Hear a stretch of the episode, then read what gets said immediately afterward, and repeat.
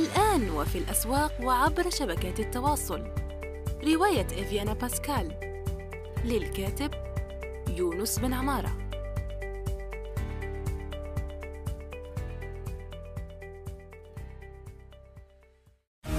يونس توك خلاصة قراءات وتجارب في ميدان الترجمة والكتابة وصناعة المحتوى.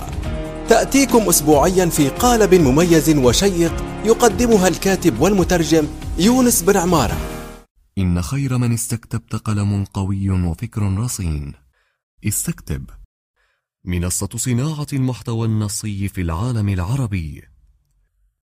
السلام عليكم ورحمة الله وبركاته في حلقة جديدة من يونس توك. صباح الخير مساء الخير حسب الوقت الذي تستمعون فيه إلى هذا هذه الحلقة الجديدة من البودكاست. أولا وقبل كل شيء قبل أن نتناول الموضوع أشكر الأخ العزيز أه، واثق الشويطر لأنه كتب مقال تحليلي طويل ومهم جدا عن كتاباتي منذ بداياتي.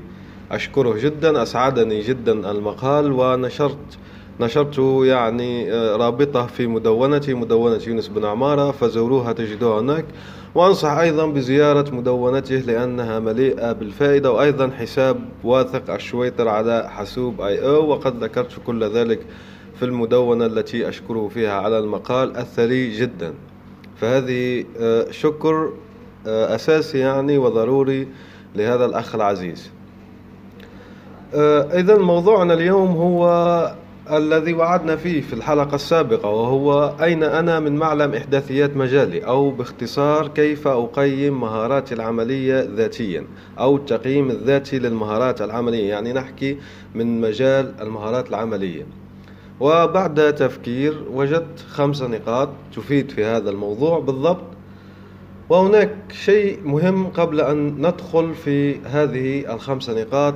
وهو متعلق بها هو حيثية متعلقة بها وهي أن هذه النقاط لا تنفع أن تستخدمها فقط مرة واحدة لا. فهي تستخدمها أكثر من ثلاث مرات وتأخذ خلاصة مجموع تلك المرات حتى تصل إلى المستوى الذي تريده. طبعا رحلة التعلم كما هو معروف لا تنتهي أبدا. إذا فهذه حيثية مهمة وراح تتضح آه، يعني لما بنفصل في كل نقطة من النقاط. فالنقطة الأولى هي الاستعانة بمصادر جاهزة وهذا في حلقة سابقة آه، أو إجابة سابقة لأني أجبتها نصيا. لما سألني أحد المترجمين آه، كيف يعني أعطينا مواقع لكي نقارن ترجماتنا بها وأنا وضعت أربعة أو خمسة مواقع تترجم المقالات الإنجليزية ف الطريقة كيف تكون يعني؟ كيف تكون الاستعانة بمصادر جاهزة؟ هو أنك تروح لموقع عنده نسختين إنجليزية وعربية. مثل شو؟ مثل آه، مواقع الأمم المتحدة والأشياء العالمية هذه التي التي تعتمد اللغة العربية آه، لغة رسمية لديها. فبتلاقي فيها معظمها على كل حال تلاقي فيه قسم اللغة العربية في نفس المقالات. فأنت بتجيب المقال إنجليزي وتترجمه لحالك تترجمه وحدك يعني بنفسك.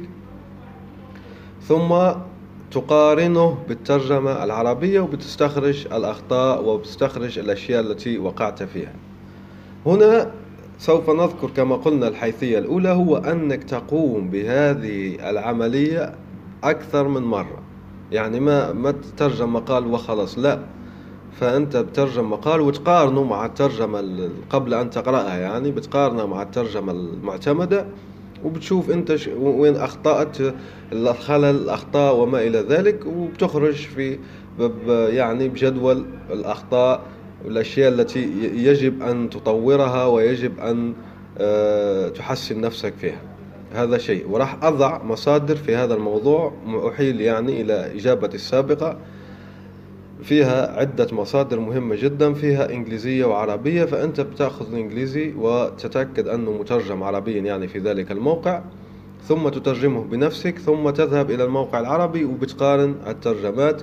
وهنا ضروري أنك تعتمد على المواقع الجيدة واللي ترجمتها حلوة كما قلنا وممتازة يعني في آه، كما قلنا في المواقع المعتمدة.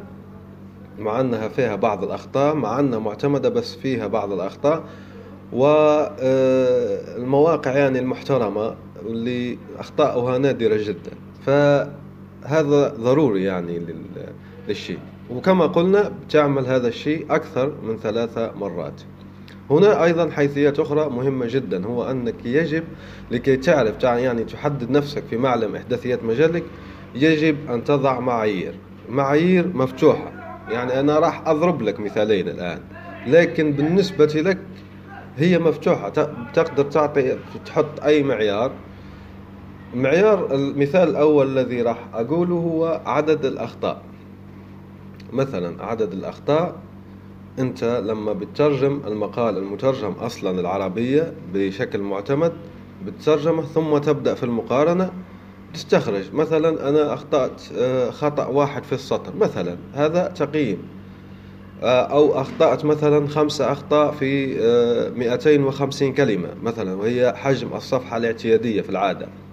فأنت لما يكون عندك معيار مثلا أنت قمت بهذه العملية مرة فوجدت أن أخطائك مثلا ثلاثة أو أربعة أخطاء في 250 كلمة. إذا كيف تعرف نفسك أنك تحسنت لما بتعيد العملية في مقال آخر بتلاقي الأخطاء مثلا أربعة أخطاء في 250 كلمة ثم تعيدها فتجد ثلاثة أخطاء في 250 كلمة ثم تعيدها فتجد آه، خطأين وهكذا. فهذه طريقة ممتازة لتشوف نفسك تتحرك في معلم إحداثيات مجالك أو مهاراتك. المعيار الثاني زي ما قلنا المعيار هذا مفتوح انت وإبداعك يعني. فأنا اعطيت مثالين بس لكن المعايير يمكنك وضع أي معايير أخرى. المعيار الآخر هو التقييمات. تقييمات كيف؟ مثلا معظمنا حاليا عنده صفحة في الفيسبوك أو مجموعة في الفيسبوك فيها عدد من الناس فأنت بتضع الأصل الإنجليزي أو مش شرط أصلا تضع الأصل الإنجليزي. مثلا أنت بتضع الترجمة تبعك وتضع الترجمة آه، آه، تبع المعتمدة يعني تبع المترجم الآخر. المعتمد ومش شرط تأتي بالأصل الإنجليزي وبس تطرح سؤال يعني بسيط. مثلا آه، أيها الصياغة الأفضل بالنسبة لك؟ مثلا بتحطها في مجموعة أدباء أو مجموعة يعني مترجمين أو مجموعة أي مجموعة لديك أو مجموعة مهتمة بالأدب والصياغة والمراجعة اللغوية. فهنا المجال مفتوح. بتضع استبيان في الفيسبوك سواء في صفحة حتى صفحة تنفع يعني صفحتك الخاصة وصفحة يعني تديرها. بتقول لهم هذه الصياغتين يعني أيهما الأفضل وليش؟ فبتلاقي آه، استبيانات يعني بتلاقي ناس بتقول هذه أفضل والأخرى وآخرين يعني يقولوا هذه أفضل فأنت بتخرج بنظرة مهمة عن الشيء. فمثلا لما تعمل الاستبيان الأول بتلاقي مثلا خمسة فضلوا الترجمة المعتمدة وصياغتك لم يحبوها جدا. ثم بتكرر العملية فتجد أنه 50 50 مثلا معجبين بصياغتك آه، مثل ما معجبون بالصياغة الأخرى. فهكذا. أيضا بتلاقي نفسك بتلاقي هنا طريقة مهمة جدا لمعرفة كيف تتطور في مجال في معلم إحداثيات مجالك. وكما قلت المعايير مفتوحة يعني يمكنك وضع أي معايير. وكما نبهنا من الأول أنه حيثية أنه لابد أن تكرر كل نقطة أكثر من ثلاث مرات والمجال مفتوح حتى تصل إلى المستوى الذي تريده. وهناك سبب آخر أيضا لتكريرها تكريرها ثلاث مرات ليش؟ لأنه في الوقت الحالي الحصول على رأي محترف صعب جدا يعني وليس سهل فلما بقول لك آه، سويها مرة واحدة فقط يعني بتعملها مرة واحدة فقط مشكلة ليش؟ لأنه يمكن المرة تلك يعني آه، بتلاقي ناس آه، حاقدين ممكن أصدقاء يعني متخاصم معهم ممكن ناس آه، متصيدين ممكن رأي صفر يعني هو أصلا ليس ليس خبير في المجال. فنحن هنا ننصح بإعادته أكثر من مرة. ليش؟ لكي نرشح نفلتر يعني الآراء اللي بتكون ضعيفة. فهناك نأخذ نظرة آه، ضعيفة وغير الخبيرة يعني. وإنت من الأول أحرص أنه يكون يعني مثلا طرحك الاستبيان في المعيار الأول مثلا. بختار مقال معتمد في موقع معتمد وكل شيء معتمد لأنه حتى هي أصلا معتمدة بس مش خالية من الأخطاء. لهيك أقول لك كرر. ولما بتعمل يعني المعيار الثاني اللي قلنا استبيانات على صفحة فيسبوك أو مجموعة بمفلتر حاول من الأول لفلترة الآراء الضعيفة وغير الخبيرة أنك تضعها في صفحة ذات صلة مثلا صفحة صياغة صفحة أدباء صفحة مترجمين صفحة صانعين محتوى وما إلى ذلك. فهذه النقطة الأولى التي عنوناها بالاستعانة بمصادر جاهزة. النقطة الثانية وهي الاستعانة بصديق خبير. بخصوص الاستعانة بصديق خبير هناك بعض الملاحظات وهو أنه بتشوف إنسان تعتبره مثال في مثال ناجح أو لا بأس به في مجالك. المهم هو خير منك يعني في المجال. هذا نحكوا يعني ما تشوف واحد مساويك في المستوى لا لأنه ما ينفع. لازم شخص أكثر منك في المجال. إذا لم تصل للمحترفين اللي أنت أصلا بدك تتصل فيهم فما مشكلة أنك تتصل حتى باللي تعتبره أنت في هذا الوضع أقوى منك قليلا أو أعلى مستوى منك قليلا. هناك بعض الملاحظات هو أنه يفضل الاتصال به صوتيا. ليش؟ لأن الكتابة صعبة وبتاخذ وقت وتاخذ جهد يعني. فالأفضل أنك تتصل به صوتيا. الشيء الثاني لابد عليك أن تحترم وقته وجهده. يعني تحترم وقته وجهده. بإبداء ذلك يعني آه، بتحدد موعد معه لا تتصل به في أي وقت يعني باختصار هو مش فاضي 24 ساعة. لا يقدم يعني المعلومات 24 ساعة وكذا فأنت تحترم وقته وتحترم أموره وتحدد معه موعد وتعمل اتصال صوتي به. وبعد أن يقدم لك الفيدباك أو الرأي أو المراجعة تشكره وتدعو له. وإن يعني استطعت بتنشر المحتوى أو المنتجات التي يقدمها لهذا العالم كإيماءة شكر لهذا الشخص. هناك أيضا ملاحظة ثالثة ومهمة جدا وهي لكي لا ينزعج منك الخبير شو تعمل. هناك آه، الخبير هو شو دوره هنا أن يعطيك واحد بالمئة فقط. يعطيك واحد بالمئة وتسعة وتسعون من الجهد والبحث والتطوير أنت بتقوم به. ففي الخبير ما بتتصل يعني به يوميا كل يوم كل ولا بتعمل له موعد كل أسبوع مثلا لا. فالخبير كيف يعني تستفيد منه؟ أول استفادة تتصل به مرة واحدة فقط وتطلب منه سؤال مهم في مجالك. مثلا السؤال المهم ما هي أهم ثلاثة مصادر سواء كانت كتب دورات آه، مواقع أي شيء. ما هي؟ أهم هذا مثال. يعني بيمكنك أن تطرح أي سؤال آخر بيحمل نفس أو لا يمشي يعني في نفس الاتجاه. وهو هذا السؤال المقترح هو ما هي أهم؟ تتصل بالخبير وتقول له ما هي أهم ثلاثة مصادر تقترحها عليه. فيقول لك أهم ثلاثة مصادر من هناك بتخليه يعني آه، في حاله كما يقال وتنكب تعتكف على تلك المصادر لأشهر ثم تعود إليه. لما تعود إليه ولازم تنكب على تلك المصادر لازم يعني.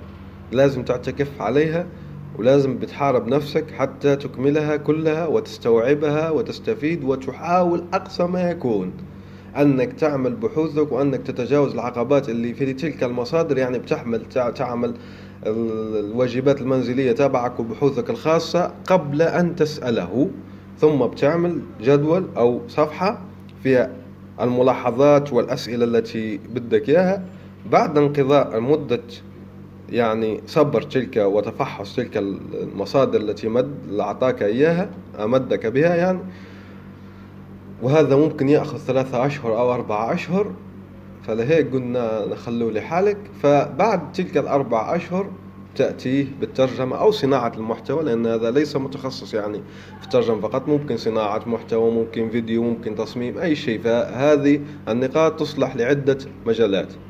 فلما أنت بترجع له بتقول له ها وعملي السابق قبل يعني آه، أنا أخذ بنصائحك. وهذا نموذج عين أخرى بعد أن أخذت بنصائحك كاملة. فالراجل يشوف يعني الراجل أو المرأة لأن كان خبيرات مرأة على كل حال للمعلومات. فبتشوف ال... هذه مسحة على كل حال. أه بتشوف ال... فالخبير أو الخبيرة بيشوف تقدمك في العمل وهنا هنا نصل إلى المطلوب. ليش؟ لأنه بنشوف تحركك على معلم الإحداثيات فيقول لك ما شاء الله واو. يعني أنت ما شاء الله عليك يعني تطورت قليلا آه، أو تطورت كثيرا حسب التطور وممتاز جدا ويمكنني أن يساعدك لأن الشخص هذا بيشوف أنه ليش هو بيفرح ويسعد لأنه يشوفك أنك طبقت آه، نصائحه وهو مستعد أنه يعطيك دفعة أخرى لأنه بحس أنه أثر فيك وأنك صح قمت بواجباتك المنزلية وقمت بجهد مشكور. فهذه طريقة مهمة لمعرفة يعني تقدمك في معلم إحداثيات مجالك. النقطة الثالثة هي التقدم للوظائف بهدف إجراء الاختبارات. وهذه نقطة مهمة أيضا وهو أنك بتقدم للوظائف حتى لو كنت تدرك تماما أنك لن تقبل يعني فيها. فبتقدم للوظائف وإذا بتقدم كثير يعني قدم كثير في مجالك الوظائف هنا الغرض شو؟ الغرض هو أنك تحصل على الاختبارات. لما بتحصل على الاختبارات تسويها وتقدمها للشركة وتشوف مستواك. فيقول لك رفضنا لكذا أو يعني آه، ما ينفع أو وهنا للعلم أن الرد آه، في أحيان كثيرة يعني لا لا يردون. فهذا مش معنى أن ترجمتك سيئة أو صناعة محتواك سيئة أو الفيديو اللي عملته سيء أو تصميمك سيء لا. فالغرض هنا هو تدريبك يعني معرفة معرفة طبيعة الاختبارات يمكنك مثلا عمل الاختبار والذهاب إلى خبير تقول له أنت أعطيني تقييم فبيكون عندك خبرة ومعرفة. هناك أيضا موضوع يعني حيثية أخرى جانب آخر في هذه النقطة هو لو بيكون لديك صديق إذا كان لديك صديق يعني يعمل في مجال التوظيف هو أصلا يوظف الناس في أي شركة من الشركات فبتعمل معه اتصال وتقول له يا ريت يعني تعطيني اختبارات الشركة الفلانية. العامة يعني المعروفة لكي أسويها وآخذ قليل من وقتك لكي تقيمني في هذا المجال. فهذه أيضا مهمة ويمكن أيضا الاستعانة يعني باختبارات الجامعات الكبرى و آه، المعاهد مثلا والمبادرات والأشياء اللي بتلاقيها في الإنترنت. مثلا في الإنترنت الآن يعج بالكثير من الاختبارات العمل وأسئلة يعني المقابلات وكذا. فأنت بتشوف هذه الاختبارات وتبع العمل وبتحاول تسويها وتطور نفسك. هنا كيف أنت بتعرف أنك تقدمت؟ بمرور الزمن يمكن تقدم لوظيفة وبتعمل الاختبار وبتنجح فيه. ممتاز جدا. فهنا تدرك يعني أنك تقدمت في معلم الإحداثيات وهذا مهم أيضا. وأنا أنصح به هناك أيضا ملاحظة أخرى في هذه النقطة الثالثة وهي أنه حتى لو كنت موظف حتى لو أنت كنت موظف أو لديك ما يكفي من العملاء. أنت الآن يعني لديك ما يكفي من العملاء ولا تحتاج عمل شركة أخرى أو كذا.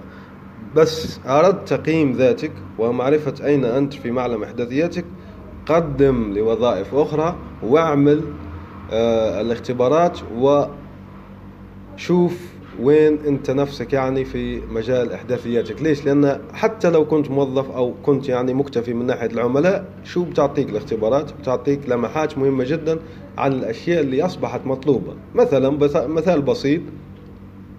أنت مترجم بس لا تستعمل ال CAT tools يعني. الأدوات الحاسوبية المساعدة على الترجمة آه اختصار يعني ال CAT tools لا تعرف ال CAT tools لكن لما قدمت الاختبار فطلبوا منك ال CAT tools فهنا تعرف أن ال CAT tools أصبح شيء مطلوب في الشركات العاملة في الميدان الذي قدمت فيه. فهذه معلومات مهمة تكتسبها من النقطة الثالثة. النقطة الرابعة هي إجراء الاختبارات الإلكترونية العامة إن وجدت في مجالك وهي موجودة على كل حال. مثلا مش شرط تكون يعني باسم أصلا الاختبار.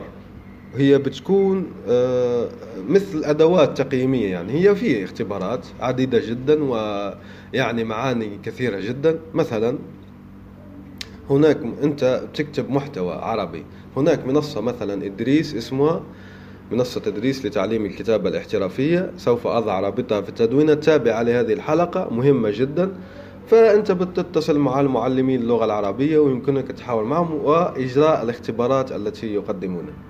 مثلا أنت بتترجم من آه، من اللغة العربية إلى الإنجليزية. فهناك أدوات منها أداة اسمها هيمينغواي على اسم الكاتب الأمريكي الشهير إرنست هيمينغواي آه، فهذه الأداة بتخليك تكتب بأسلوب يشبه أسلوب أسلوب هيمينغواي المشهور يعني البسيط والمختصر واللي يروح للغرض مباشرة. فأنت تستعمل هذا البرنامج وبتلاقي ملاحظات وهو ممتاز جدا فهو يشبه اختبار. مثلا بتشوف في الإنترنت تدخل إلى جوجل وتشوف الاختبارات الإلكترونية اللي تابعة لمجالك. مثلا تصميم مسابقات تصميم وتشارك في المسابقات وتشارك يعني في في المنتديات وتشارك في المواقع اللي بتقدم مثل هذه الخدمات والأدوات. خامسا وأنا وضعته عن عمد في الأخير تماما وهو رأي العملاء. وهو الأخير لسبب وجيه. ليش؟ لأنه العملاء آه، عملاء أصناف ومعظمهم يعني العميل المتوسط هذا الجودة ما ما يحق له أنه يقيم. ما يحق له أنه ممكن هذا صعب جدا بس أنا مجرب وعارف لأن آه، زي ما تقول آه، إحدى الزميلات هناك عملاء مش عارفين الله وين حاطهم. يعني مش فاهم أصلا المجال اللي راه يحكي فيه وعنده مشروع. فهنا إشكالية يعني. فالإشكالية هذه ما يعني بالعربية الفصحى العميل لا يعرف المجال وعنده مشروع في ذلك المجال فما ينفع أنك تأخذ رأيه. لهذا قلت في الحيثية الأولى أنه لازم تأخذ أكثر من رأي. يعني كل نقطة تطبقها أكثر من ثلاث مرات لكي لا تسقط في الأمور. يعني ناس مش فاهمة الميدان وينتقدوك فما ما بينفع يعني بتأخذ تقييم. فرأي العميل هنا أضعناه في الأخير لكن مهم إذا وإذا فقط كان العميل عالي الجودة. وكيف تعرف العميل عالي الجودة؟ بيكون معروف يعني عنده سمعة كبيرة شركات كبيرة يعني شيء آه، فريق من الموظفين. بيبان يعني العميل الجيد والفاهم المجال بيبان لك آه، يعني الآثار تبع هذا الفهم. أما العملاء متوسطي الجودة والمنخفضي الجودة فلا تأخذ آراءهم مطلقا وريح رأسك يعني ف فهذا لا ينفعك بل بالعكس احتمال يرجعك القهقرة لأنه يمكن يعطيك معلومات غالطة في مجال هو في الحقيقة لا يفهمه. فإذا رأي العملاء مهم فقط وفقط إذا كان العميل ذو مستوى رفيع. أرجو أن تكون النقاط جميعها واضحة يسرني يعني شرح والتوسع في أي نقطة أخرى إذا لم تكن واضحة. أرجو أن تكون قد استفدتم. يومكم طيب. إلى اللقاء. سلام. إن خير من استكتبت قلم قوي وفكر رصين. استكتب. منصة صناعة المحتوى النصي في العالم العربي. نأمل أن يكون موضوع هذه الحلقة قد نال استحسانكم. انتظرونا في الأسبوع القادم ولا تنسوا مشاركة الحلقات والاشتراك بالبودكاست. علما أنه بإمكانكم مراسلتنا باقتراحاتكم للتحدث عن أي موضوع يتعلق بالكتابة والترجمة وصناعة المحتوى.